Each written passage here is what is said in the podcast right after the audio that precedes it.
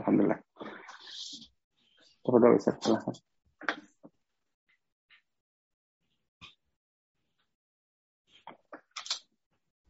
Sudah, uh, uh, oke. Okay. Baik. Uh, silahkan Ustaz, nah, langsung Ustaz untuk meminta waktu. Monggo. Tafadhol. Assalamualaikum warahmatullahi wabarakatuh. Waalaikumsalam warahmatullahi wabarakatuh. Alhamdulillahi rabbil alamin. Wassalatu wassalamu ala ashrafil mursalin. Nabiyyina wa maulana Muhammadin wa ala alihi wa sahbihi ajma'in. Wa ashhadu an la ilaha illallah wahdahu la syarikalah wa ashhadu anna Muhammadan abduhu wa rasuluh sallallahu alaihi wa ala alihi wa sahbihi wa sallama tasliman katsira thumma amma ba'd. Alhamdulillah puji syukur kita haturkan kehadirat Allah Azza wa Jalla di kesempatan malam hari ini untuk waktu Yogyakarta dan pagi Pak ya. Di sana Pak. Siang Ustaz. Siang. Siang. Waktu duha. Waktu ya, waktu zuhur baru lepas zuhur ini Ustaz. Masya Allah. Kita bisa belajar bersama di kesempatan kali ini. Semoga Allah Subhanahu wa taala memberkahi forum kita. Amin. Baik, kita langsung saja menuju kitab fikih muyassar di bab tentang kitabul imamah. Bab tentang masalah aturan dalam sholat jamaah. Dan insya Allah di kesempatan kali ini kita akan membaca al-mas'alatus sadisah. Pelajaran yang keenam musabaqatul imam tentang bahaya mendahului imam. Musabaqatul imam tentang bahaya mendahului imam. Musannif mengatakan la yajuzu lil ma'mum musabaqatu imamihi. Enggak boleh bagi makmum untuk mendahului imam. Faman ahrama qabla imamihi lam tanakid salatuhu. Barang siapa yang melakukan takbiratul ihram sebelum imamnya sholatnya batal. Karena di antara syarat yang berlaku bagi makmum ayyatiya biha ba'da imamihi wa qad fatahu. Dia harus melakukan takbiratul ikhram setelah imam. Sementara orang ini tidak takbiratul ikhram setelah imam. Wa 'alal ma'mumi ay yashra'a fi af'alis salati ba'da imamihi. Dan makmum harus melakukan kegiatan salat, gerakan-gerakan salat setelah imam. Berdasarkan hadis Nabi SAW, Innama ju'ilal imamu liyutamma bih. Wa idha raka'a farka'u. Wa idha qala sami Allahu liman hamidah. Faqulu rabbana walakal hamdu. Wa idha sajada fasjudu. Sesungguhnya imam itu ditunjuk untuk diikuti. Imam ditunjuk untuk diikuti karena itu apabila dia takbir, bertakbirlah. Ketika rukuk, rukuklah. Dan ketika imam mengucapkan sami Allahu liman hamidah, maka ucapkan Rabbana walakal hamdu wa idza sajada fasjudu dan ketika imam sujud lakukanlah sujud. Sehingga apa pun gerakan imam maka kita diperintahkan untuk mengikutinya kecuali yang tidak memungkinkan. Misalnya bagi makmum masbuk. Kemudian imamnya salam, maka tentu saja makmum masbuk tidak boleh ikut salam. Baik. Coba kita berikan catatan tentang hadis ini.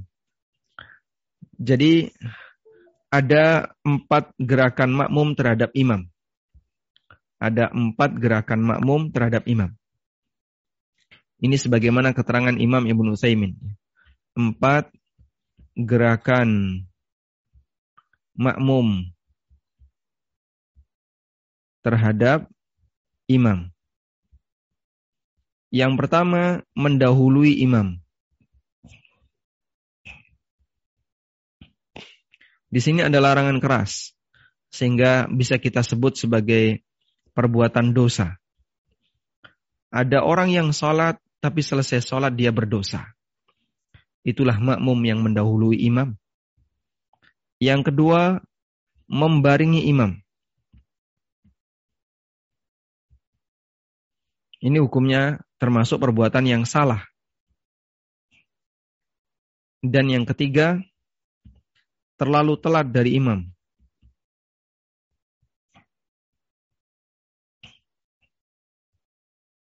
Ini juga sebuah kesalahan.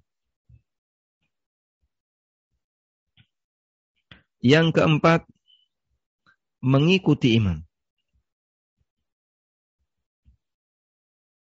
Dan inilah yang bernilai benar. Baik. Satu, dua, tiga adalah praktek yang salah. Bahkan yang pertama termasuk perbuatan dosa. Dua dan tiga kami uh, belum mengetahui adanya dalil yang memberikan ancaman khusus. Namun ini perbuatan yang salah dan yang benar adalah mengikuti imam. Baik, kita lanjutkan. Nabi Shallallahu Alaihi Wasallam menyebut bahwa ketika mengikuti imam adalah ikuti bagaimana imam bergerak. Fa'idha kabbara fakabbiru. Wa idha raka'a farka'u. Kalau imam takbir, maka bertakbirlah. Kalimat ini menunjukkan bahwa makmum melakukannya tepat setelah. Karena lafadznya kabbara fa kabbiru. Kalau imam bertakbir, usai bertakbir fa, maka bertakbirlah kalian. Huruf fa di situ menunjukkan sama juga seperti eh, sebagaimana untuk ruku. Fa'idha raka'a farka'u. Kalau imamnya ruku, maka lakukanlah ruku. Wa idza qala sami Allahu liman hamidah faqulu. Wa idza sajada fasjudu. Dan huruf fa jadi uh, kata apa istilahnya? Istilahnya apa? Kata kata depan ya ada yang bentuknya fa, ada yang bentuknya summa. Kalau fa menunjukkan makna dekat. Kalau summa bisa menunjukkan makna ada rentang. Ya. Kalau fa menunjukkan makna dekat, kalau summa menunjukkan makna ada rentang. Nabi SAW tidak mengatakan faida kabbaro summa kabbiru. Tapi yang beliau sampaikan adalah faida kabbaro fakabbiru wa idza raka'a farka'u dan begitu seterusnya. Baik, sehingga dia tidak terlalu telat dari gerakan imam namun mengikuti imam. Yang ini dilakukan bahwa makmum melakukan makmum bergerak pasca imam bergerak. Begitu dia selesai gerak, maka makmum ikut bergerak. Baik, sekarang kita akan lihat. Fa'in wafaqahu fiha au fis salam kuriha li mukhalafatihi as-sunnah. Kalau makmum itu membarengi imam, kalau makmum membarengi imam, fa'in wafaqahu fiha atau fis salam Ketika salam barengan dengan imam. Imamnya salam. Assalamualaikum. Dia Assalamualaikum. Ikut salam. Bareng dengan imam. Hukumnya makruh karena ini menyalahi sunnah. Meskipun tidak sampai membatalkan sholat. Li'annahu ijtama'a ma'ahu fir rukni karena dia bareng dengan imam dalam gerakan rukun. Wa in sabaqahu haruma. Tapi kalau mendahului hukumnya haram. Berdasarkan sabda Nabi sallallahu alaihi wasallam, La tasbiquni birruku'i wala bisujudi wala bil qiyam. Janganlah kalian mendahuluiku ketika ruku, sujud maupun berdiri. Dan adanya larangan menunjukkan makna haram. Juga disebutkan dalam hadis dari Abu Hurairah radhiyallahu anhu secara marfu. Nabi Shallallahu alaihi wasallam bersabda secara marfu artinya sabda Nabi Shallallahu alaihi wasallam. Kalimat Secara marfu artinya sabda Nabi SAW. Ama yakhshalladhi yarfa'u ra'sahu qabla al-imam. Orang yang dia mengangkat kepalanya sebelum imam. Hendaknya dia takut. Ayyuhawwilallahu ra'sahu ra'sa himarin. Allah akan mengubah kepalanya seperti kepala keledai. Masya Allah. Allah akan jadikan kepalanya seperti kepala keledai. Baik. Kenapa mendahului imam diancam dengan dijadikan kepala keledai? Mendahului imam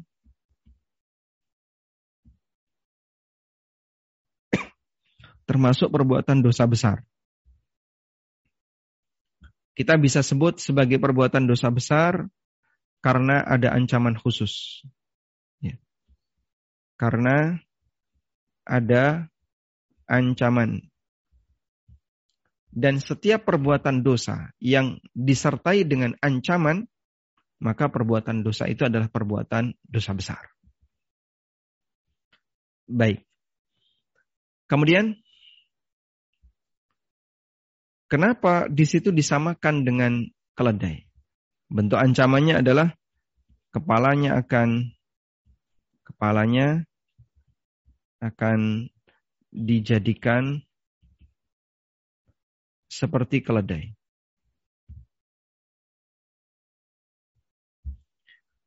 Kenapa pakai hewan keledai? Karena keledai adalah lambang apa? Keledai adalah lambang kebodohan. Dan orang Arab ketika menghina orang, puncaknya adalah dengan menyebut keledai. Lambang kebodohan. Ada salah satu teman cerita ya. Beliau di Jakarta, kuliah di Lipia. Ada orang Arab parkir, Lalu setelah urusan dia selesai, dia pergi. Nggak bayar parkir. Sama tukang parkir, dia marah, dilempar air. ya Dilempar air, dilempar satu botol air. Kena mobilnya. Kemudian orang Arab ini tetap pergi. Lalu dia berhenti sejenak menemui teman saya yang kuliah di Libya. Apa bahasa Indonesia-nya himar? Mada taqul himar fi Indonesia? Dia tahu, teman saya ini tahu. Kalau ini mau dipakai menghina tukang parkir itu. Akhirnya dikasih tahu kedelai. dia teriak kedelai, kedelai, kedelai ya. Dia meneriaki tukang parkir tadi dengan kedelai, kedelai, kedelai. Maksud dia adalah mau ngomong keledai. Karena bagi dia himar itu lambang uh, bentuk misuh ya, yang paling puncak itu pakai himar. Makanya Allah Subhanahu wa taala menyebut orang Yahudi yang dia dikasih kitab oleh Allah, tapi dia nggak mau memahami isinya, nggak ngerti sama sekali. Mathalul ladzina humilut Taurata thumma lam yahmiluha. Kamathalil himar yahmilu asfar. Perumpamaan orang yang mereka diberi oleh Allah Taurat. Kemudian ternyata mereka tidak mau mempelajarinya. Ibarat keledai yang dia membawa barang-barang yang berada di atasnya. Kama salil himar yahmilu asfaro. Seperti keledai yang membawa barang di atasnya. Namanya keledai. Keledai jinak ya, termasuk kendaraan di masa silam yang umum dipakai oleh masyarakat. Ketika dia mau dipakai tunggangan itu kan dikasih apa wadah kantong yang ada di kanan kirinya. Nah di situ diisi barang-barang. Di situ diisi barang-barang Ya, sehingga dia berfungsi sebagai hewan pengangkut. Dia nggak bakalan tahu di punggungnya ini isinya apa. Apakah di punggungnya isinya emas, ataukah isinya kotoran, ataukah isinya sampah, ataukah isinya kayu, atau apa dia nggak ngerti. Yang penting pokoknya dia sanggup untuk ngangkat, dia angkat. Sanggup untuk ngangkut, dia angkut. Ya, seperti itu orang yang dia dikasih oleh Allah Alkitab, tapi ternyata dia nggak paham isinya. Ibarat keledai yang dikasih beban, tapi dia nggak ngerti di atasnya itu ada apa. Baik. Kemudian, kepalanya akan dijadikan seperti kepala keledai. Ini berlaku di mana ancaman ini? Di mana ini berlaku? Sebagian ulama mengatakan ini berlaku di akhirat. Allah Ta'ala akan mengubah kepala orang yang suka mendahului imam, kepalanya akan dijadikan sebagai kepala keledai. Dan ada yang mengatakan ini berlaku di dunia dan di akhirat. Sehingga bisa saja ini terjadi di dunia. Dan ini pernah diceritakan oleh Syekh Masyhur Hasan Salman, hafizahullah taala. Ada seorang guru Beliau ahli hadis. Punya murid menyampaikan hadis yang beliau miliki. Tapi ada satu keistimewaan dari guru ini. Setiap kali mengajar selalu pakai cadar. Sehingga muridnya nggak tahu seperti apa wajah gurunya. Dan muridnya juga menghormat pada sang guru. Mereka nggak berani untuk tanya karena mereka hanya ingin mendapatkan ilmunya. Sampai satu ketika ada salah satu murid yang kepo, kepo banget ini murid. Saking keponya sampai murid ini pingin sekali punya atau pingin sekali tanya kepada sang guru, kenapa setiap kali ngajar pakai cadar? Ya. Kemudian seusai majelis, beliau tetap duduk di tempat. Dan gurunya tahu, orang ini kenapa duduk di tempat. Kemudian diminta untuk pergi, tapi tidak mau. Akhirnya murid ini mengatakan, saya penasaran kenapa sang guru setiap kali ngajar kita kan sama-sama lelaki. Ya. Anda bukan seorang wanita, Anda bukan waria, Anda lelaki, kita sama-sama lelaki. Kenapa ketika Anda ngajar harus menggunakan ya, menggunakan siter, menggunakan tabir? Akhirnya sang guru ini cerita. Dulu aku pernah mendahului imam. Dan Allah subhanahu wa ta'ala menghukumku dengan Allah jadikan mukaku seperti keledai. Dan beliau tentu malu ketika menampakkan muka itu di hadapan orang lain. Maka ditutupi ya, dengan dengan cadar, dengan siter. Ya. Sehingga bisa saja hukuman seperti ini terjadi di dunia. Maka mohon untuk diperhatikan baik-baik kaum muslimin. Ya. Masalah mendahului imam ini bukan masalah yang ringan. Ini masalah yang berat. Lalu apa yang harus dilakukan? Jangan sampai mendahului imam. Karena di situ hukumannya adalah Allah akan ubah kepalanya sebagaimana layaknya kepala keledai. Dan kenapa pakai keledai? Karena itu lambang kebodohan. Orang mendahului imam itu bodoh. Sehingga mendahului imam apa ini? Kebodohan. Kenapa kok bisa disebut sebagai bodoh? Kan tidak mungkin dia akan salam sebelum imam. Kecuali kalau kemudian dia mendahului imam terus bisa sholat lebih awal dari imam, nanti pulang duluan, keluar dari masjid, imamnya masih sholat. Tidak mungkin itu terjadi. Namanya orang ketika sholat, pasti sebagai makmum, pasti dia akan salam setelah imam. Sehingga ngapain dia mendahului imam? Wong tidak mungkin bagi dia akan salam setelah imam. Dan dia nggak mungkin bubar sholat setelah imam. Eh, sebelum imam. Maka disebut sebagai orang bodoh karena tindakan ini adalah tindakan kebodohan. Tidak mungkin dia akan mendapatkan manfaat dari apa yang dia lakukan. Padahal itu kesalahan besar. Karena itulah sebagian ulama menilai bahwa mendahului imam bisa membatalkan sholat di samping pelakunya berdosa. Karena mendapatkan ancaman khusus dari Allah Subhanahu wa taala. Nah, walhamdulillahi rabbil alamin. Nah, sekarang kita akan membaca tentang bagaimana cara yang tepat dalam mengikuti imam. Cara yang tepat dalam mengikuti imam.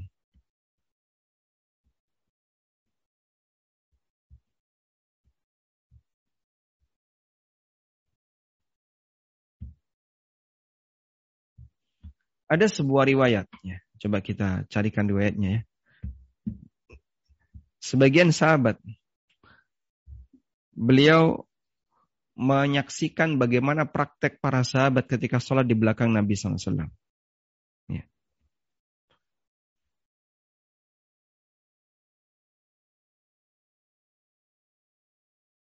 Sebentar, coba. Uh,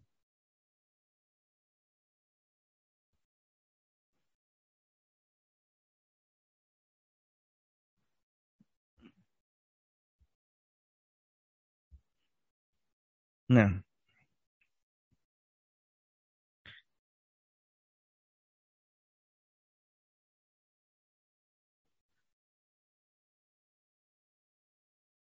Rasulullah Shallallahu Alaihi Wasallam ketika beliau sujud tidak ada satupun makmum yang sujud sampai Rasulullah Sallallahu Alaihi Wasallam sempurna sujud.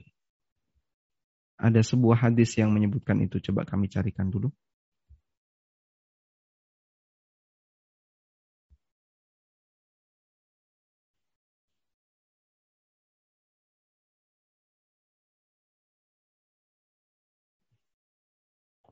mutaba'atul imam.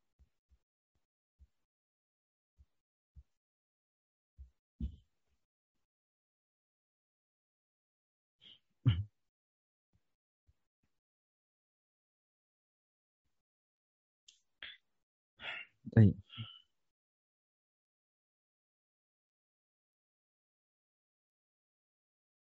Ini hadisnya muttafaqun alaih dari Al-Barra bin Azib radhiyallahu anhu.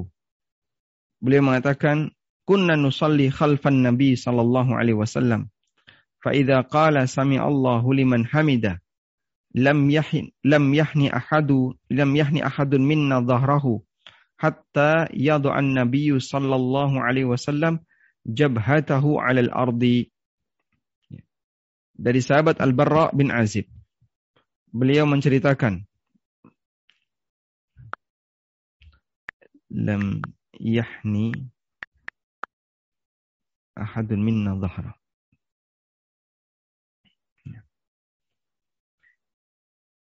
Al-Barra bin Azib, hadis riwayat Muslim.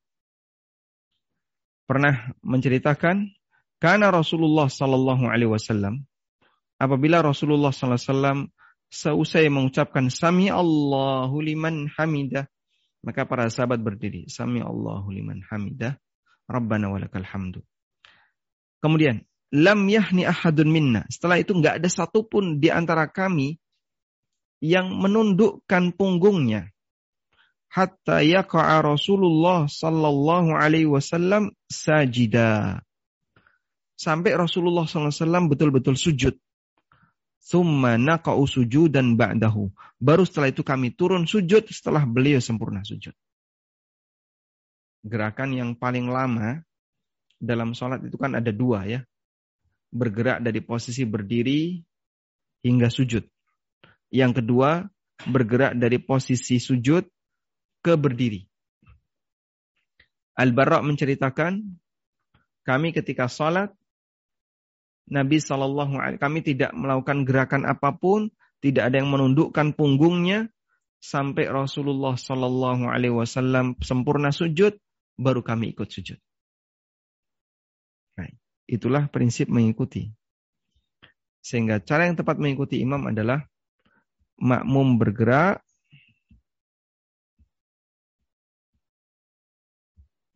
makmum bergerak apa tadi? Pasca imam sempurna gerakannya sempurna melakukan gerakan.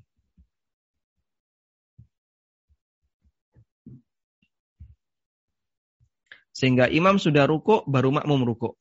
Imam itidal, barulah makmum itidal. Nah kan kita tidak tahu Pak.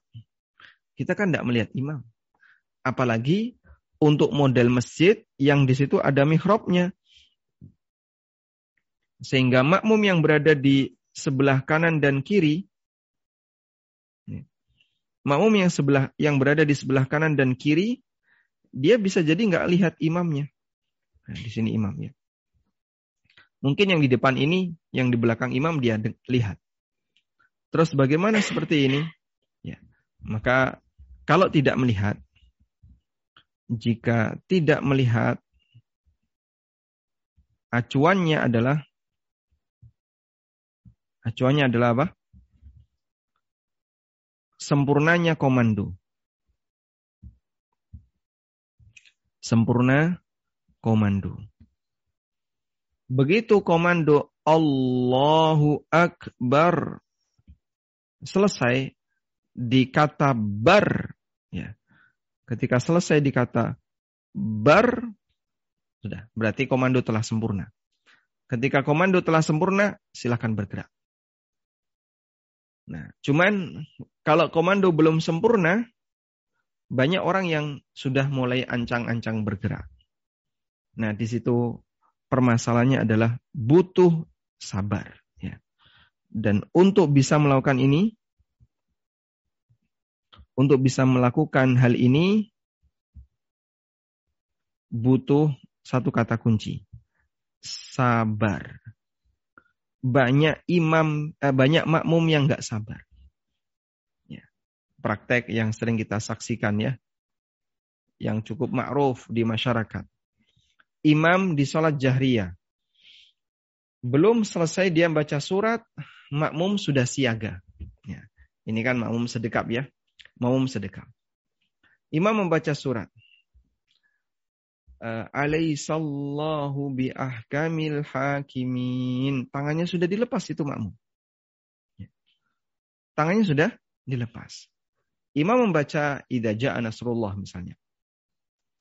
Fasabbih bihamdi rabbika wastaghfir Innahu kana tawwaba. Belum selesai baca Quran, makmum sudah ngelepas tangannya. Loh kenapa kok tangannya makmum sudah dilepas? Pak, ini ancang-ancang mau ruko. Ngapain harus pakai ancang-ancang? Sabar. Sedekap dengan baik. Tunggu sampai imam ruko. Nggak perlu ancang-ancang. Anda nggak bakalan ketinggalan. Ketika imam ruko kemudian anda nggak ancang-ancang, Anda nggak bakalan ketinggalan. Maka nggak perlu pakai ancang-ancang. Udah biarin aja. Maksudnya apa? Sabar. Tetap sedekap. Sedekap sampai imam selesai ruko, eh, imam sempurna ruko, baru ikuti ruko. Baik. Sehingga butuh sabar dalam hal ini dan nikmati setiap gerakan sholat. Sholat itu terbatas waktunya nikmati setiap gerakan sholat. Sehingga kalau imamnya kok nggak bergerak-bergerak, nikmati terus gerakan itu.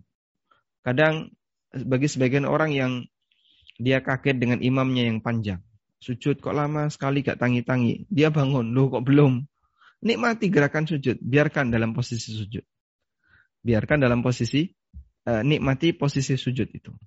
Sampai imamnya Allahu Akbar, baru kita bangkit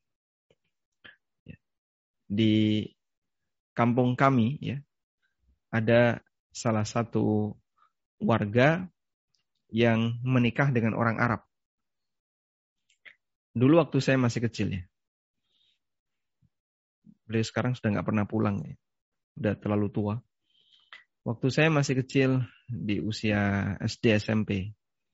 Kalau beliau pulang ke Indonesia, disuruh jadi imam. Nah, Beda dengan imam yang biasanya ada di masjid kampung. Lama banget ini kalau rukuk dan sujud. Sampai makmumnya itu berkali-kali ngangkat tangan. Duh, belum toh, balik lagi.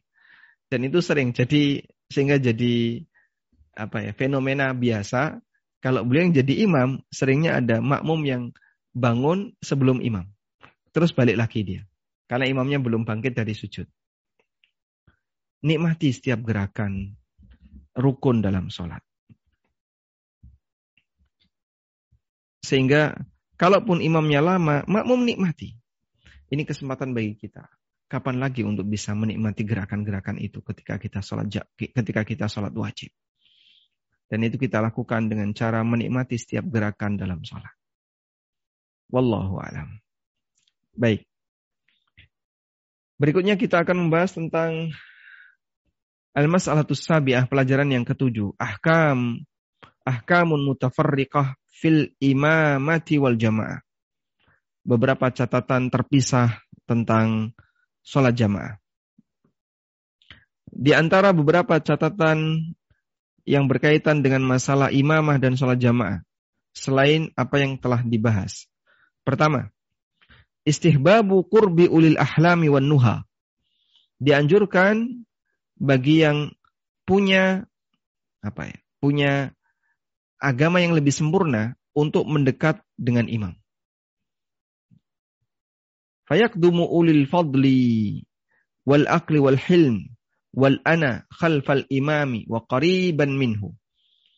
Maka dianjurkan bagi yang punya keistimewaan, uh, punya apa kewibawaan, punya kehormatan, punya al-hilmu wal ana, kedewasaan, agar dia berada di belakang imam, mendekat dengan imam.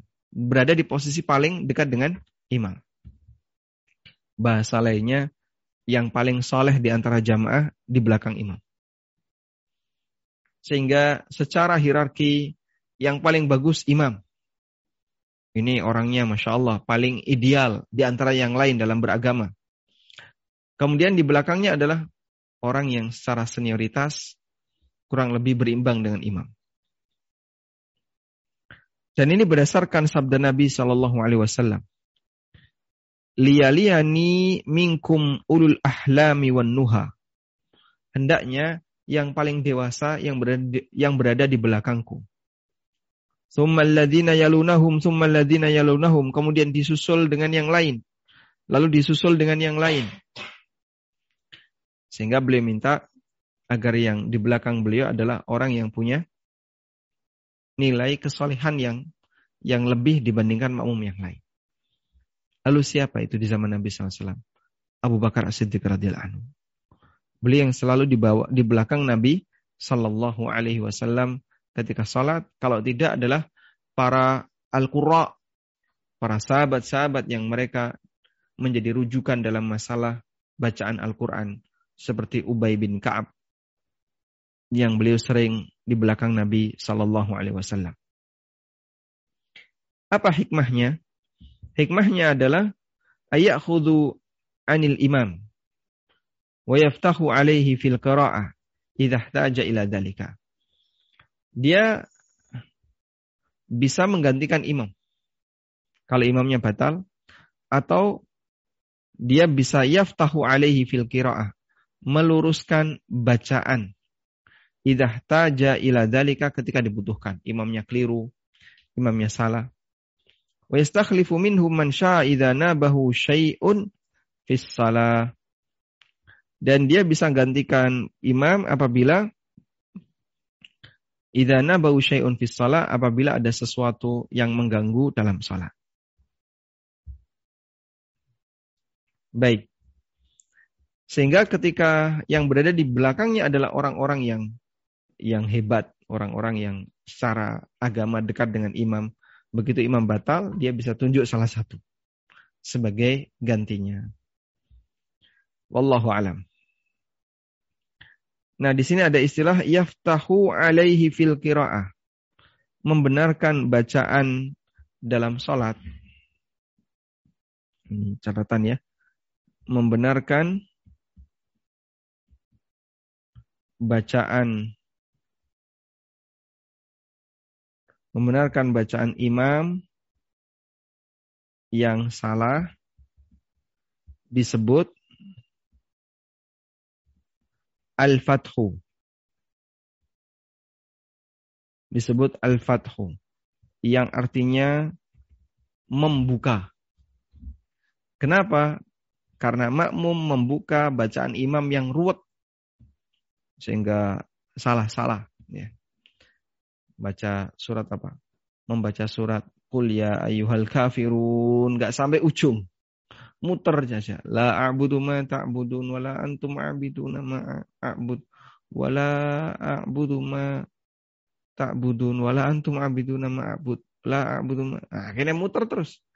Nah, fungsi orang yang di belakangnya melakukan al-fatah. Ini root ini bacaan imam.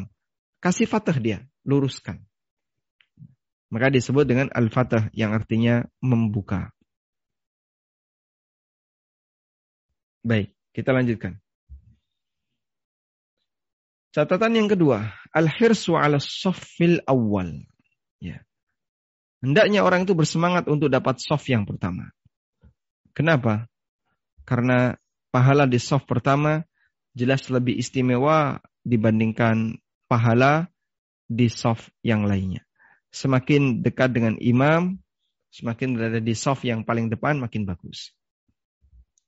Dianjurkan bagi makmum untuk mengambil posisi soft yang paling depan dan semangat untuk mendapatkannya. Wayah daru minat ta'akhuri, jangan, sampai ketinggalan. Nah, di sini ada sebuah hadis yang berisi ancaman orang yang suka melipir cari tempat di belakang. Nabi Shallallahu Alaihi Wasallam bersabda, "Taqaddamu fa'atimmu bi." Ayo maju. Ayo maju. Fa'atimmu bi dan bermakmum kepadaku. Wal ya'tamma bikum man ba'dakum. Sementara orang yang berada di belakangnya, dia bermakmum kepada yang di depannya. Lalu beliau mengatakan, La yazalu qawmun yata'akharun. Ada sebagian orang yang dia sengaja telat atau sengaja memilih tempat duduk di belakang hatta yuakhirahumullah sampai Allah akhirkan mereka. Allah akhirkan apa? Allah akhirkan masuk surga. Masya Allah. Berat sekali dong. Makanya ini bukan hal yang remeh.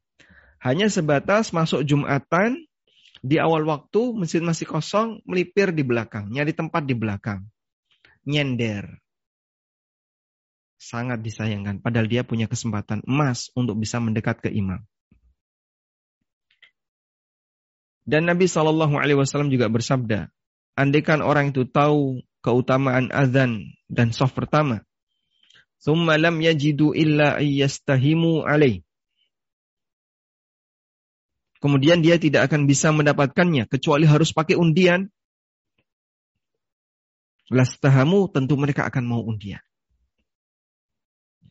Bagi orang yang kaya, undian itu mungkin berat baginya. Ngapain saya undian? Hanya untuk berapa toh? Oh, cuma untuk ratusan ribu aja kok. Bagi orang kaya, tidak mau dia.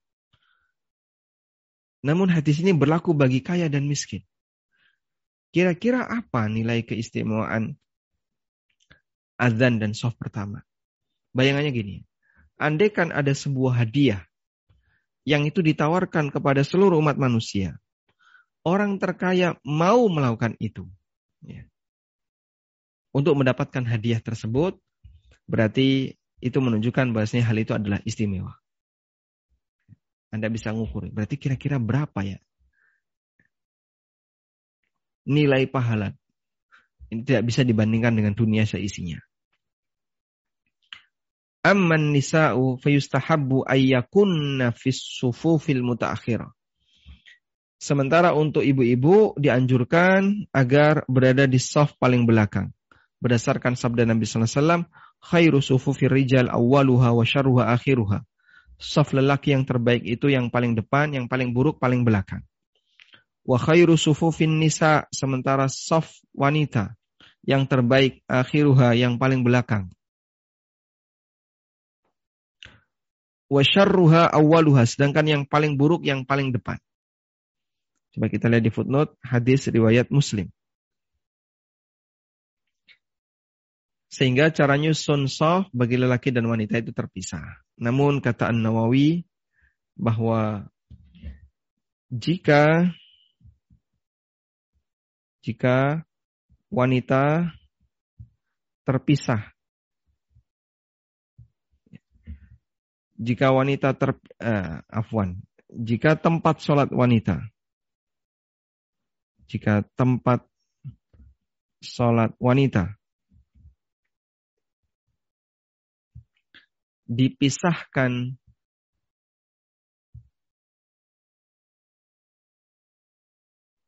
dari tempat sholat lelaki.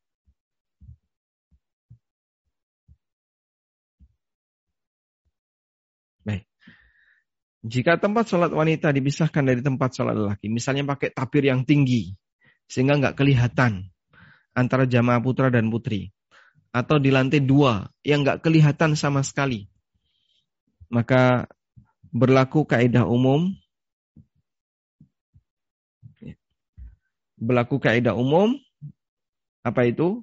Menyusun soft dari depan. menyusun soft dari depan. Kok bisa menyusun soft dari depan? Ya sama sebagaimana lelaki. Karena dia sudah nggak kelihatan, tertutup. Maka yang paling depan paling bagus. Sementara alasan kenapa uh, tempat sholat wanita itu berada di paling belakang, ya mengingat ketika itu tidak ada pemisah antara lelaki dan perempuan. Sehingga yang wanita bisa melihat yang lelaki. Wallahu a'lam. Taib. Berikutnya adalah taswiyatus sufuf wa tarasufiha. Meluruskan saf dan merapatkannya. Serta saddul furj. Ya, menutup setiap lubang. Ya, setiap kekurangan dalam saf. Wa idmamus safil awal fal awal. Lakukan penyempurnaan untuk saf yang pertama terlebih dahulu. Dan dianjurkan bagi imam ayak murabitaswiyatis sufuf agar imam memerintahkan makmum untuk meluruskan saf ya wasaddil furj qabla dukhuli fis salah dan menutup semua celah sebelum salat dimulai. Li fi'lihi sallallahu alaihi wasallam dalika karena praktek Nabi sallallahu alaihi wasallam yang seperti itu. Beliau sallallahu alaihi wasallam mengatakan sawu sufufakum fa inna tasfiyatus sufufi min tamamis salah. Luruskan saf kalian Sesungguhnya lurusnya saf bagian dari kesempurnaan salat. Dan dari Anas radhiyallahu anhu beliau mengatakan, "Uqimatis salatu fa aqbala alaina Rasulullah sallallahu alaihi wasallam biwajhihi." Salat sudah diikomahi. Kemudian Nabi sallallahu alaihi wasallam menghadap ke arah kami. Faqala lalu beliau mengatakan, "Aqimu sufufakum." Luruskan saf kalian. Watarasu rapatkan. Ya, rapatkan dengan jamaah yang lain. Fa inni arakum miwara'i dhahri. Karena aku bisa melihat kalian dari belakang. Masya Allah. Dan itu keistimewaan bagi Nabi SAW. Wa qala Anas kata Anas, kana ahaduna yulziku man kibahu biman kibihi biman kibi sahibihi wa qadamahi bi qadami salah satu di antara uh, kan ahaduna salah satu di antara kami kata Anas beliau menempelkan mereka menempelkan pundak dengan pundak. Kaki dengan kaki. Sehingga pundak dengan pundak nempel kaki dengan kaki nempel. Wallahu alam. Kemudian wa yustahabbu itmamus saffil awal dianjurkan untuk menyempurnakan soft yang pertama terlebih dahulu falladhi yalihi kemudian soft yang berada di belakangnya. Fa'idha kana naqsun fi akhir sufuf. Apabila di sana ada kekurangan, maka hendaknya dia berada di paling ujung soft. Berdasarkan sabda Nabi wasallam, ala tasuffuna kama ya, tasufful malaikatu inda rabbiha. Tidakkah kalian menyusun soft sebagaimana malaikat menyusun soft di hadapan Robnya? Fakulna, maka kami bertanya, Ya Rasulullah, kaifa tasufful malaikatu inda rabbiha? Bagaimana malaikat menyusun softnya di hadapan Robnya? Qala, jawab Nabi SAW, yutimuna sufufal awal wa yatarasu fis safi. Mereka mendahulukan soft yang pertama soft pertama dulu penuh, baru kemudian merapatkan di soft. Ya.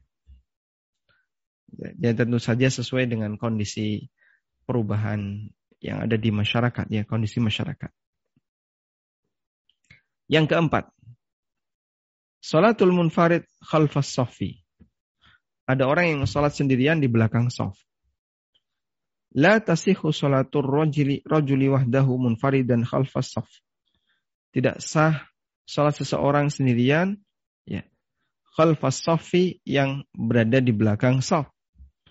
Berdasarkan sabda Nabi SAW, la salata limun farid khalfas safi. Gak ada sholat bagi orang yang sholat sendirian khalfas safi di belakang saf. Jadi nggak boleh di belakang saf.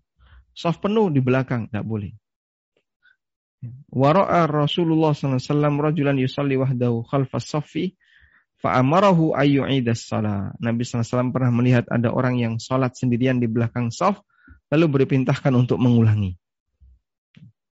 Hadisnya riwayat Ahmad, Abu Dawud, Tirmidzi, Ibnu Majah, ya, dan dinilai Hasan oleh At-Tirmidzi. Walhamdulillahi Rabbil Alamin. Ini materi imamah sudah selesai dan berikutnya kita ganti bab. Bab yang kesembilan yaitu fi salati ahlil a'dzar.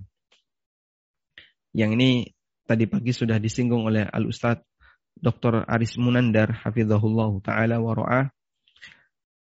Ya, beliau membahas ibadatu ahlil a'dzar.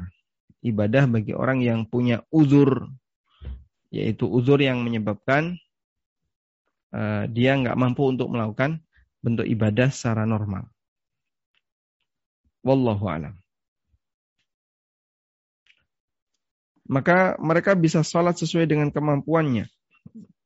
Allah Ta'ala berfirman, Wa ma ja'ala alaikum fid min haraj. Allah tidak menjadikan adanya kesulitan dalam agama. Allah juga berfirman, La yukallifullahu nafsan illa wus'aha. Dan seterusnya, tapi insya Allah ini akan kita bahas di pertemuan berikutnya ya. Tentang sholat ahlil a'dar. Orang yang punya uzur. Baik, demikian yang bisa kita sampaikan sebagai mukaddimah. Wassalamualaikum warahmatullahi wabarakatuh. Alhamdulillah, Jazakallah khair Ustaz. Uh, sudah ada beberapa pertanyaan yang masuk. Saya ingatkan kembali kepada jamaah. Untuk yang ingin bertanya langsung, silahkan raise hand.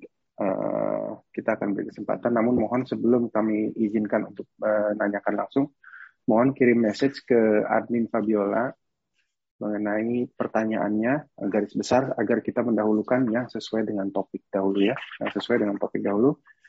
Yang tidak sesuai dengan topik, insya Allah jika masih ada waktu dan uh, Ustadz berkenan, kita akan coba tanyakan. Uh, kita menunggu sebentar untuk Ustadz kembali dari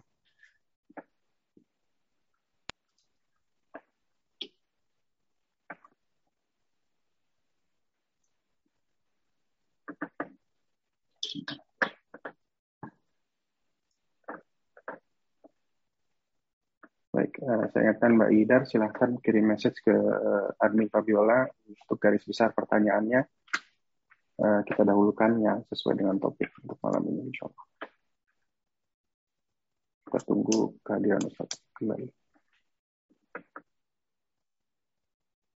Bismillah. Baik, kita mulai. Lanjutkan, Pak. Uh, pertanyaan pertama, Ustaz. Assalamualaikum Pak Ustaz. Uh, mau minta penjabarannya tadi disampaikan makmum harus mengikuti imam. Namun jika makmum dalam kondisi menahan buang angin atau buang air kecil, bagaimana makmum bisa melakukan mufarokoh? Yakni lebih cepat selesaikan sendiri, tidak usah ikut imam. Apakah diperbolehkan? Bagaimana hukumnya? Syukuran Ustaz. Waalaikumsalam. Waalaikumsalam warahmatullahi wabarakatuh. Jadi sholat jamaah itu ada aturannya ya. Tidak sebagaimana orang dalam rombongan bis yang dia bisa berhenti di tempat mana pun, kapan pun yang dia inginkan.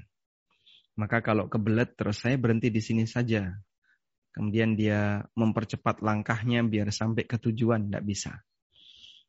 Karena itu, ketika ada orang yang ingin buang hajat, dan dia sudah nggak mampu untuk menahan sampai selesai bersama imam, ya berarti dia batalkan sholat. Terus dia buang hajat.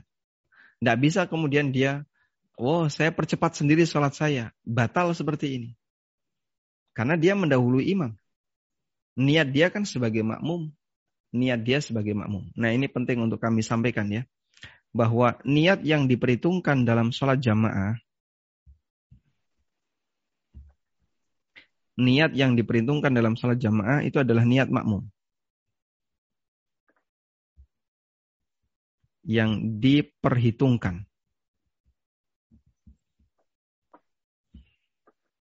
adalah niat makmum. Kalau niat imam, niat imam tidak disyaratkan. Niat imam bukan syarat. Maksudnya gimana, Pak? Boleh bagi imam untuk jadi imam tanpa niat. Kok bisa?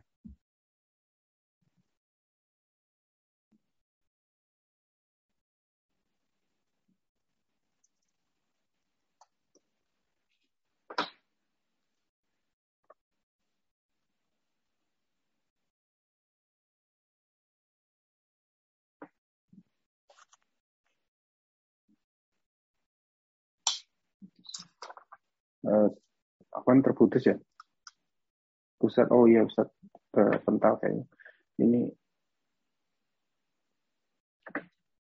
uh, Mas Seto, tolong ini kelihatannya bisa terpental ya.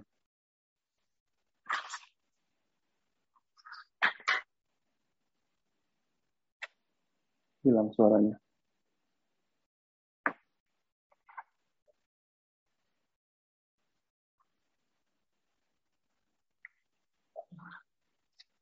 Ini. Udah ada. Bentar. Kelihatan anu. Oh, sudah ya? Uh, Afwan, Afwan barusan terpental nih, Ustaz. Baik, kita ulang. Ya. Kembali ke sini tadi ya. Bahwa niat yang diperhitungkan adalah niat makmum. Sedangkan imam, niat imam bukan syarat. Contohnya tadi, orang sholat sunnah, mbak dia duhur. Dapat satu rakaat, lalu datang si A. Atau datang, ini si A yang sholat ya. Datang Paijo. Jadi makmumnya. Jejer dia. Lalu datang Paimin, Jawel Paijo. Paijo mundur. Akhirnya mereka berdua. Jadi makmumnya si A. Apakah si A ini ketika takbiratul ikhram dia punya niat untuk jadi imam? Tidak. Hmm. Dia sholat sunnah. Dan tidak ada orang sholat sunnah niatnya jadi imam, tidak ada. Cuman dia dijadikan imam oleh dua orang di belakangnya. Sehingga makmum ini niatnya harus niat bermakmum kepada si A. Sebagai konsekuensinya, Paijo dan Paimin harus mengikuti si A. Begitu ya.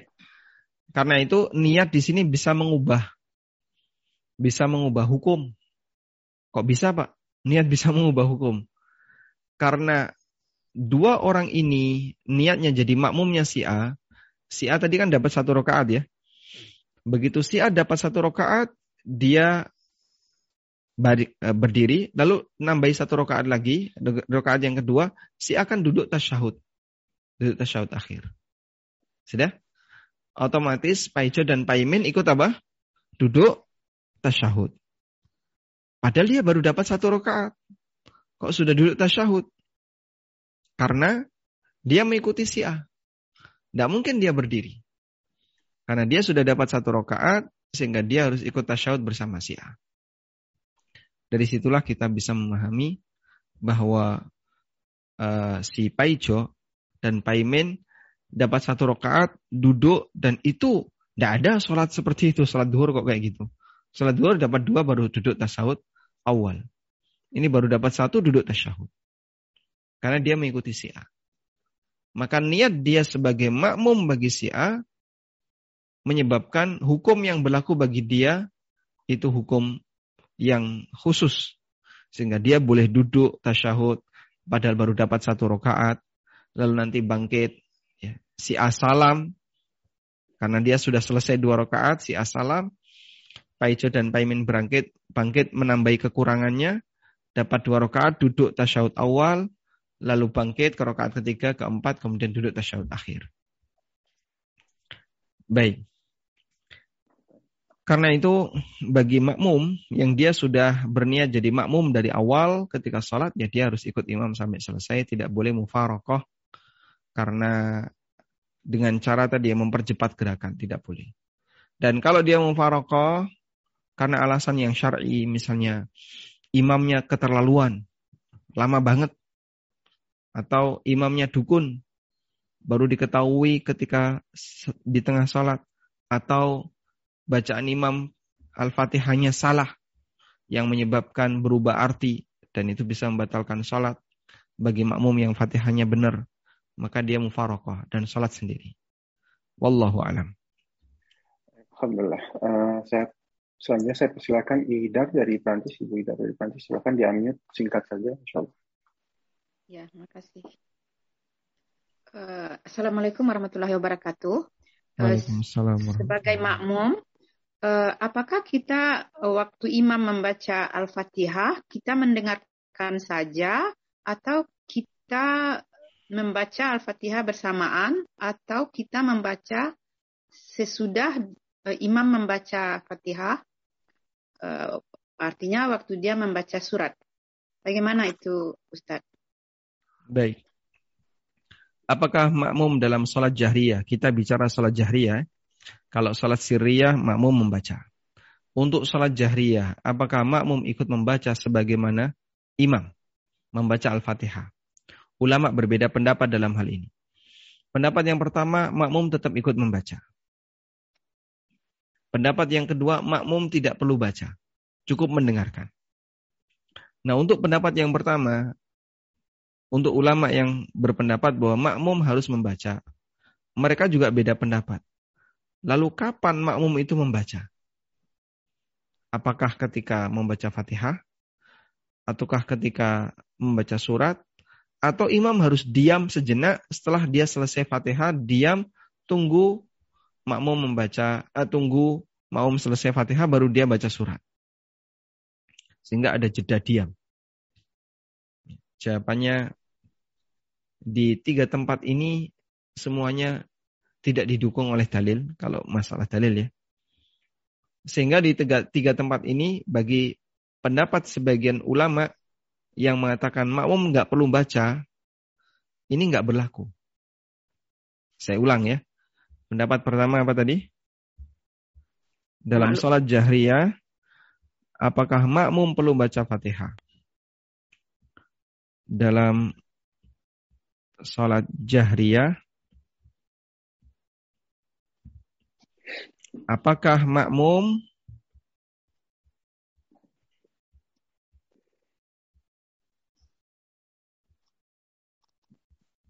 perlu baca?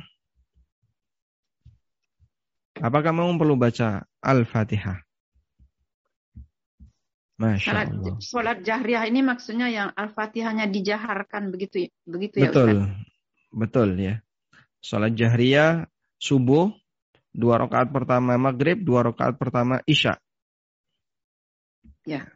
Atau sholat jumatan itu juga jahriyah. Nah di sini ada dua pendapat. Pendapat yang pertama, tidak perlu. Cukup dengarkan. Pendapat yang kedua, makmum wajib wajib baca. Nah, kemudian di pendapat yang kedua ini ulama beda pendapat. Yang mengatakan wajib baca ulama beda pendapat. Kapan bacanya? Lalu dibaca kapan? Ini ada beda pendapat. Ada yang mengatakan uh, sebelum fa, sebelum imam baca Fatihah. Jadi saat imam membaca ya, saat sebelum imam membaca imam... doa iftitah, makmumnya baca Fatihah. Oh gitu, sebelum imam baca. Baik, ini pendapat yang pertama ya. ya. Pendapat yang kedua Pendapat yang kedua setelah imam baca Fatihah. Ya. Sebelum baca surat. Setelah imam baca Fatihah, sebelum baca surat. Kalaupun diamnya cuma pendek, maka bacanya pendek. Alhamdulillah Imam sudah baca surat. Dah kita diam dulu, tenang, tunggu. Nanti kalau imamnya diam waladhalin amin uh, afwan ya. Imamnya diam setelah baca surat, kita lanjutkan. Ini yang kedua. Yang ketiga, oh, masih ada yang ketiga. Makmum baca saat imam baca surat setelah Al-Fatihah. Misalnya makmum eh, imam membaca surat Al-Baqarah. Maka ketika imam baca surat Al-Baqarah, makmumnya baca Al-Fatihah. Sudah? Dan pendapat yang kedua ini pendapat jumhur. Lalu pendapat mereka beda pendapat kapan bacanya. Dan secara pribadi saya lebih menguatkan pendapat yang pertama. Tidak perlu baca Fatihah, cukup dengarkan. Karena semua pendapat ini saya perhatikan, ya, saya perhatikan, ini kita ya rotok maksa. Memaksakan pokoknya harus makmum harus baca. Akhirnya nyari tempatnya itu kesulitan. Waktu ini, waktu ini, waktu ini sulit ya cari tempatnya. Ya? Sementara menurut pendapat yang tidak perlu baca Fatihah, cukup dengarkan. Ini sejalan dengan firman Allah Ta'ala, فَإِذَا قَرَأْتَ الْقُرْآنَ فَأَنْسِتُ لَا gimana? فَاسْتَمِعُوا لَهُ وَأَنْسِتُوا لَعَلَّكُمْ تُرْحَمُونَ فَإِذَا قُرِئَ الْقُرْآنَ فَاسْتَمِعُوا لَهُ وَأَنْسِتُوا لَعَلَّكُمْ تُرْحَمُونَ فَأَنْسِتُوا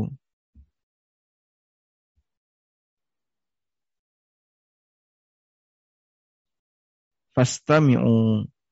Fastami'u.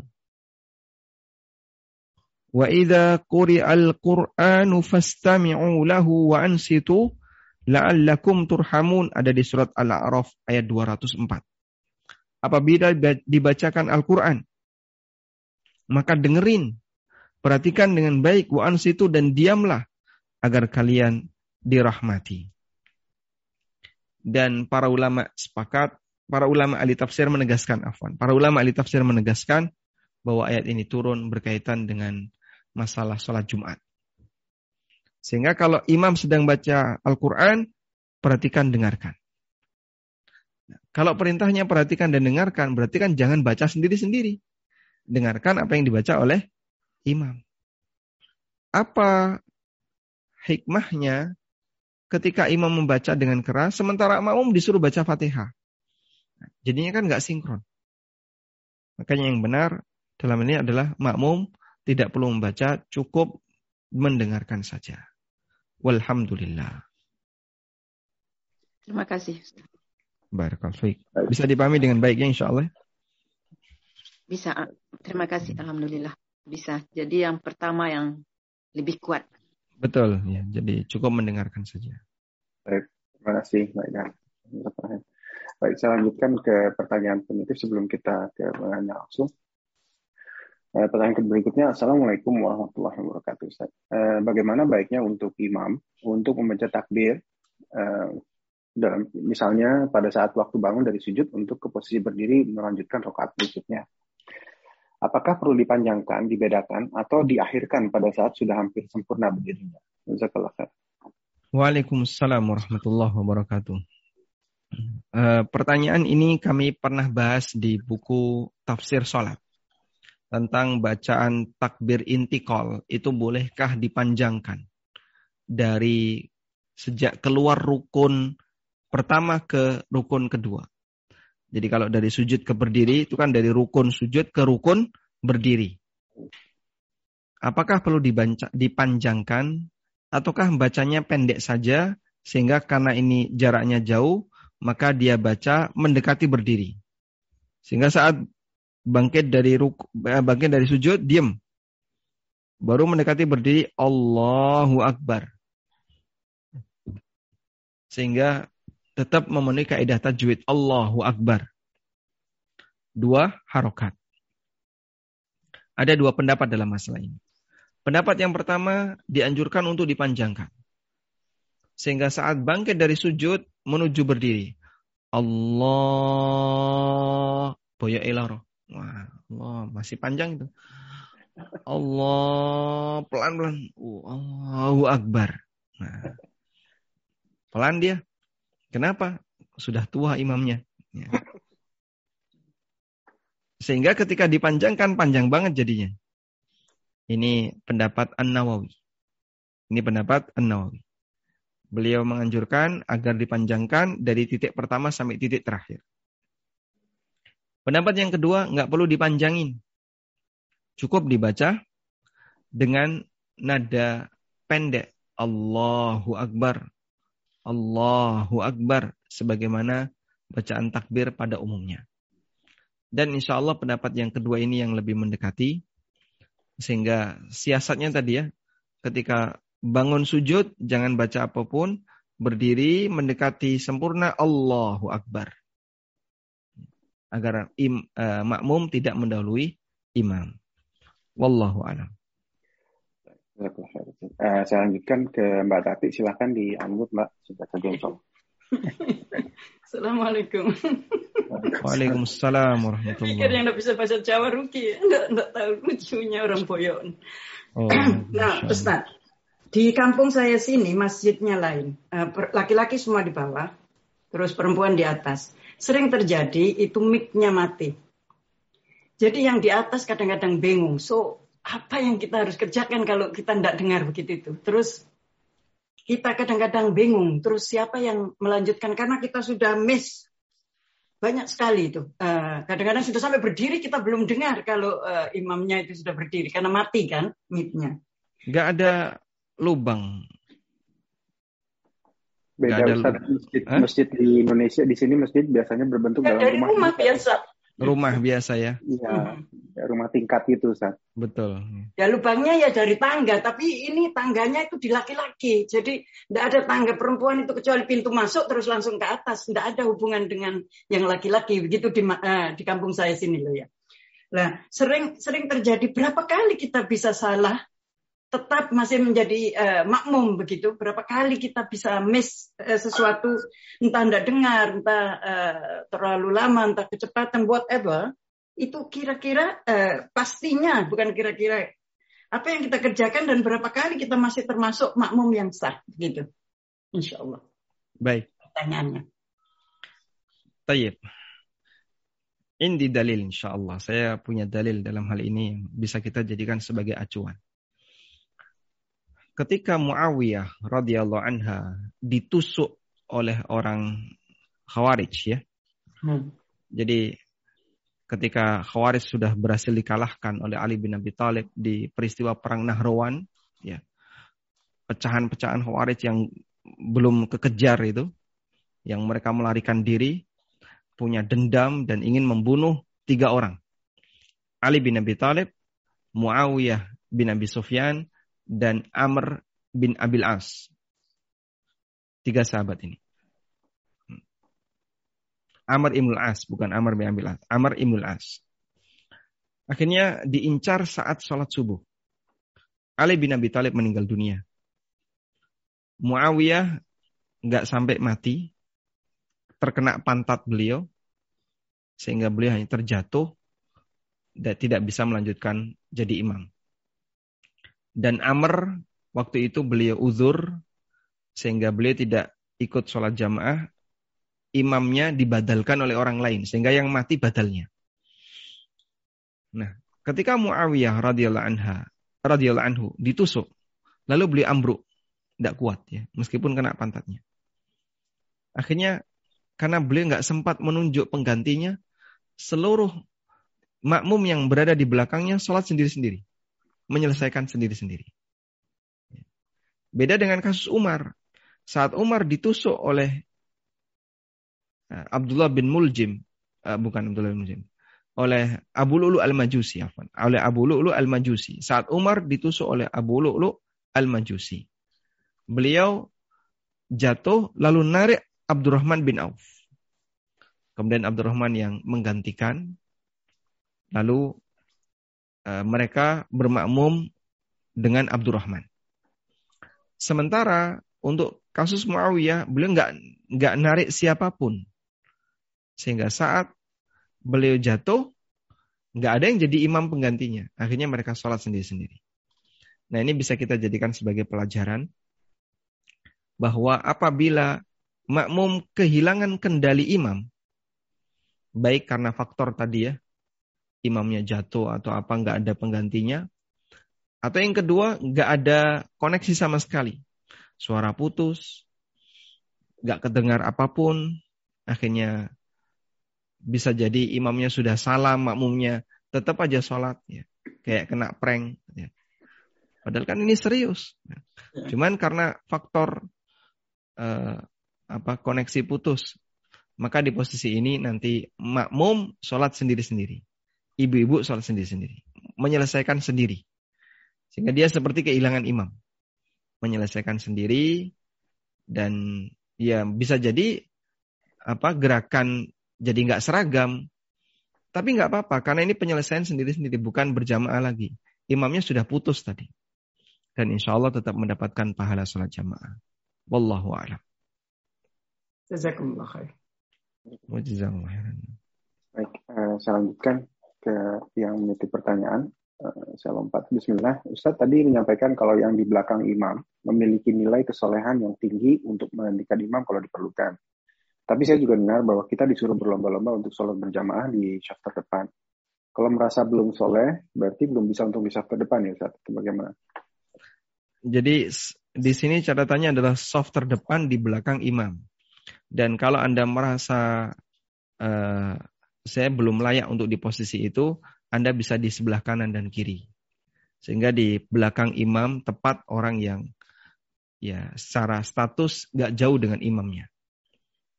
Artinya dari sisi hafalan Quran, dari sisi kesempurnaan gerakan sholat, peluang untuk bisa menggantikan imam itu diduduki oleh mereka yang paling dekat kesolehannya dengan imam. Baik, itu idealnya. Sementara kalau kita merasa saya belum sanggup untuk itu, silahkan menepi ke sebelah kanan dan kiri. Terjadi di sebuah masjid ya, di Qatar. Hmm. Jadi saya sol, komat, selesai komat kan muadzinnya itu masih di dekat mik. Saya langsung berdiri di belakang imam. Imamnya suruh saya minggir. Bingung saya, kenapa saya disuruh minggir? Lalu dia nunjuk muadzinnya. Oh, paham. Akhirnya saya menepi. Ternyata itu adalah tempat muadzin. Dia melarang jangan berada di belakang saya selain muadzin. Karena muadzin ini dianggap yang paling tahu tentang uh, paling bisa untuk menggantikan imam lah secara umum. Wallahu a'lam. Alhamdulillah. Uh, selanjutkan pertanyaan berikutnya ini ada uh, Bismillah, Assalamualaikum Ustaz. Semoga Ustaz dan seluruh kaum muslimin selalu dalam lindungan Allah Subhanahu wa taala. Ini bertanya, apakah benar berdoa lebih afdol dipanjang, dipanjatkan di sujud terakhir, bukan setelah sholat. Bagaimana dengan membaca doa setelah tahiyat akhir? Apakah lebih afdol juga setelah sholat? Waalaikumsalam warahmatullahi wabarakatuh. Tentang hadis yang berisi doa mustajab yang kaitannya dengan sholat ya. Yang kaitannya dengan sholat disebutkan oleh Nabi SAW ada di dua tempat. Yang pertama adalah ketika sujud. Rasulullah Sallallahu Alaihi Wasallam menyebutkan ammas sujudu faqaminun ayyustajabu lahu. Ketika sujud fa'aksiru minat doa. Perbanyaklah berdoa. Faqaminun ayyustajabu lahu. Karena berpeluang besar untuk diijabai. Dalam riwayat yang lain Nabi SAW mengatakan, Akrabu ma yakunu bil abdu min rabbihi wa huwa sajid kondisi terdekat seorang hamba dengan Robnya Allah Azza wa Jalla adalah ketika dia sujud. Fa'aksiru fihi minat doa. Karena itu perbanyaklah berdoa. Faqaminun ayyustajabu lahu. Ada peluang besar untuk diijabai. Yang kedua adalah fi duburi kulli salatil maktubah. Di bagian dubur salat wajib. Di antara doa yang mustajab adalah di bagian dubur salat wajib fi duburi kulli salatil maktubah.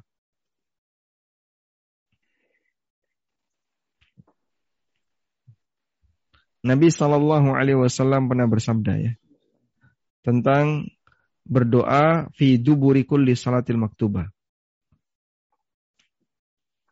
Rasulullah SAW mengatakan ya, di antara doa yang mustajab dari hadis Abu Umamah radhiyallahu anhu yang diriwayatkan oleh At-Tirmidzi dan yang lainnya. Kila ya Rasulullah ayyud du'ai asma. Ada sahabat yang bertanya, yang bertanya, "Ya Rasulullah, doa apa yang paling berpeluang besar didengar oleh Allah?" Ya Rasulullah, ayyud du'ai asma. Doa apa yang paling berpeluang untuk didengarin oleh Allah? Qala, jawab Nabi SAW, Jaufal laylil akhir doa di pertengahan malam yang terakhir. Ya.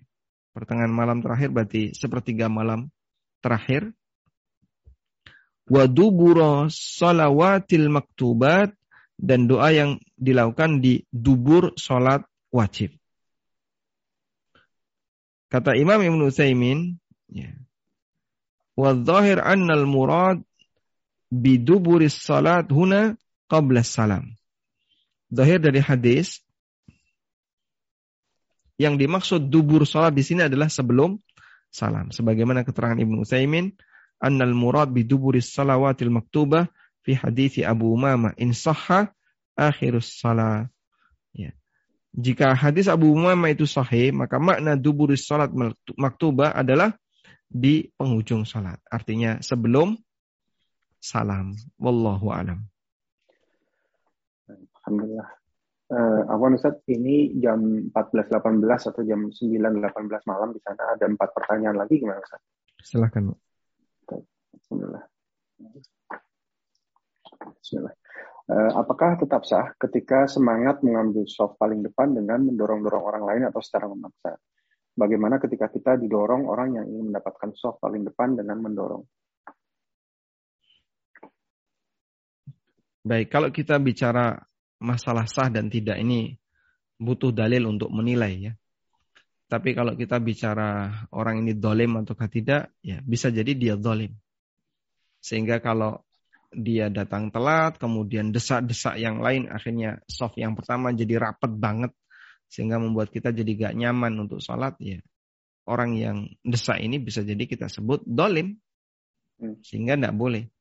Dan kalau itu dilakukan ketika sholat jadinya ganggu orang lain. Dia semangat dapat pahala. Tapi bisa jadi justru malah berpotensi dosa. Kecuali kalau misalnya saling ridho ya. Sehingga tidak ada pihak yang didolimi. Sudah tinggal aja di rumah saya misalnya. Ayo kita sholat bareng-bareng di rumah. Sempit tempatnya. Baik kita sesuaikan. Rapat, rapat, rapat. Nah, dibuat rapat ya. Sebisanya insya Allah tidak masalah karena nggak ada yang didolimi. Tapi menyusul kemudian ngesuk kanan, ngesuk kiri, dorong kanan, dorong kiri, biar dia dapat tempat akhirnya yang lain jadi terlalu rapat, ganggu. Ya, seperti ini bisa jadi dia dolim. Wallahu a'lam. Baik, ini pertanyaan berikutnya. Bismillah, aku izin bertanya mengenai poin terakhir apabila kita masuk mendapati syaf depannya penuh sesak dan belum ada orang lain untuk ikut jemaah. Bagaimana solusinya? Jazakumullah khairan wa barakallahu fikum. Jazakumullah khairan. Ulama berbeda pendapat dalam posisi ini ya. Soft depan kita sudah penuh. Soft satu penuh, soft dua penuh. Kita datang sendirian. Ada tiga pendapat. Pendapat yang pertama, boleh menarik salah satu yang di depannya. Tarik untuk jadikan teman. Pendapat yang kedua, dia jajari imam. Jadi ke depan langsung jajari imam. Salat di sebelah kanannya imam. Dan ini pendapat Syekh bin Bas.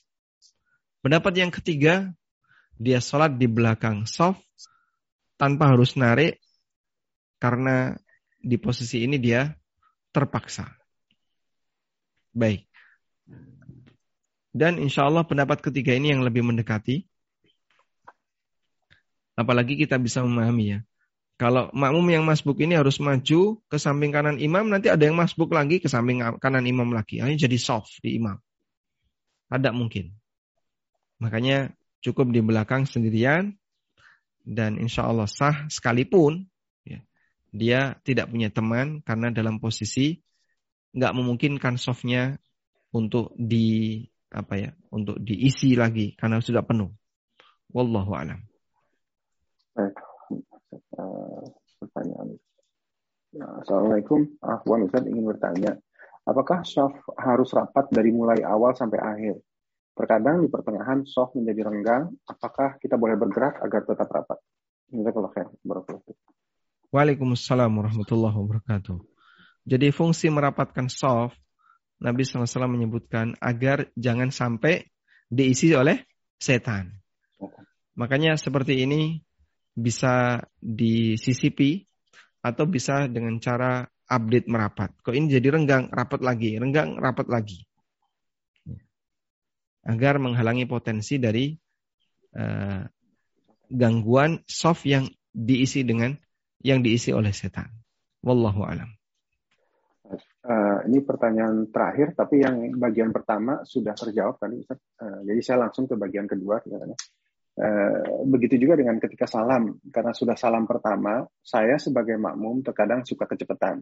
Waktu salam kedua, karena nggak sengaja atau refleks, tapi setelah menengok ke kiri baru sadar imam baru salam kedua. Jadi saya sebagai makmum salam lagi. Itu hukumnya bagaimana Ustaz? Hmm, sebaiknya bagaimana? Nah, Coba kita carikan ya.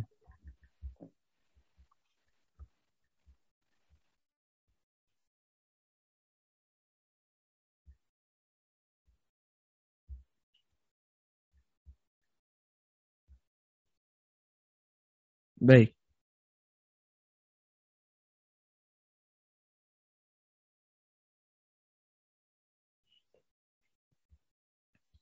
Di sini ada keterangan yang disampaikan dalam fatwa Islam barangkali cukup bermanfaat kita share di sini. Apabila makmum salam sebelum imam, jika itu dilakukan dengan sengaja tanpa uzur, sholatnya batal. Wa ingkana sahwan, tapi kalau itu dilakukan karena lupa, lazimahu ayyarji'a ila salati wa yusallimu ba'da taslimi imamihi. Maka dia harus kembali ke sholatnya. Lalu Nanti salam lagi setelah salamnya imam. Nah. Disebutkan dalam kitab Kasyaful Kina. Wa in sallama qablahu amdan. Kalau makmum menyampaikan uh, melakukan salam sebelum imam dengan sengaja tanpa uzur maka sholatnya batal karena dia telah meninggalkan kewajiban al-mutaba'ah muta'ammidan kewajiban untuk mengikuti imam dia tinggalkan secara sengaja meskipun tidak batal. Insallama qabla imamihi sahwan. Jika dia salam sebelum imamnya karena lupa. Fayu'iduhu maka nanti diulang. Lalu mengucapkan assalam setelah salamnya makmum. Li'annahu la yakhruju min salatihi qabla imamihi. Karena dia tidak boleh untuk keluar dari salat sebelum imamnya selesai. Wallahu alam. Sehingga kata Intinya di situ adalah bahwa jika makmum mendahului imam apa tadi? Jika makmum apa tadi? Uh, salam sebelum imam dan imamnya belum selesai, maka dia langsung balik lagi. Lanjutkan doa-doa setelah tasyahud. Kemudian, kemudian ketika uh, apa selesai baru kemudian melakukan salam. Wallahu a'lam. Alhamdulillah Ustaz. Uh, pertanyaan untuk malam ini sudah habis Ustaz. Jadi Alhamdulillah. Alhamdulillah. Baik, demikian yang bisa kita sampaikan. Semoga bermanfaat.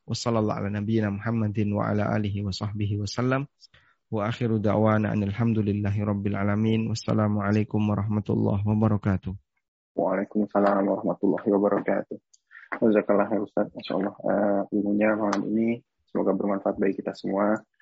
Uh, kami dari pengurus mohon maaf jika ada kesalahan baik dalam sikap maupun perkataan. Uh, kita tutup dengan kafaratul majelis. Subhanakallahumma wa bihamdika.